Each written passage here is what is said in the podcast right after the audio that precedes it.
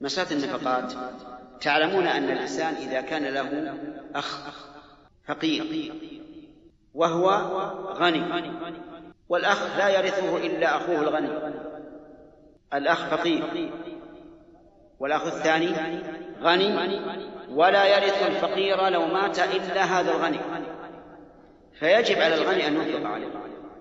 يجب أن ينفق عليه من مال تبرعا هذا الغني تحيل على الإنفاق وصار يعطي الفقير من الزكاة لإسقاط النفقة الواجب فهنا هل تجزئه الزكاة أو لا تجزئ؟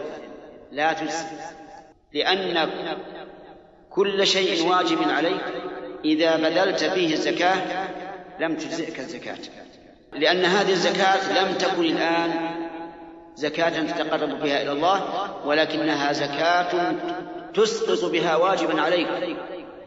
والتحيل على إسقاط الواجب لا ينفع. وهذه مسألة يقع السؤال عنها كثيرا.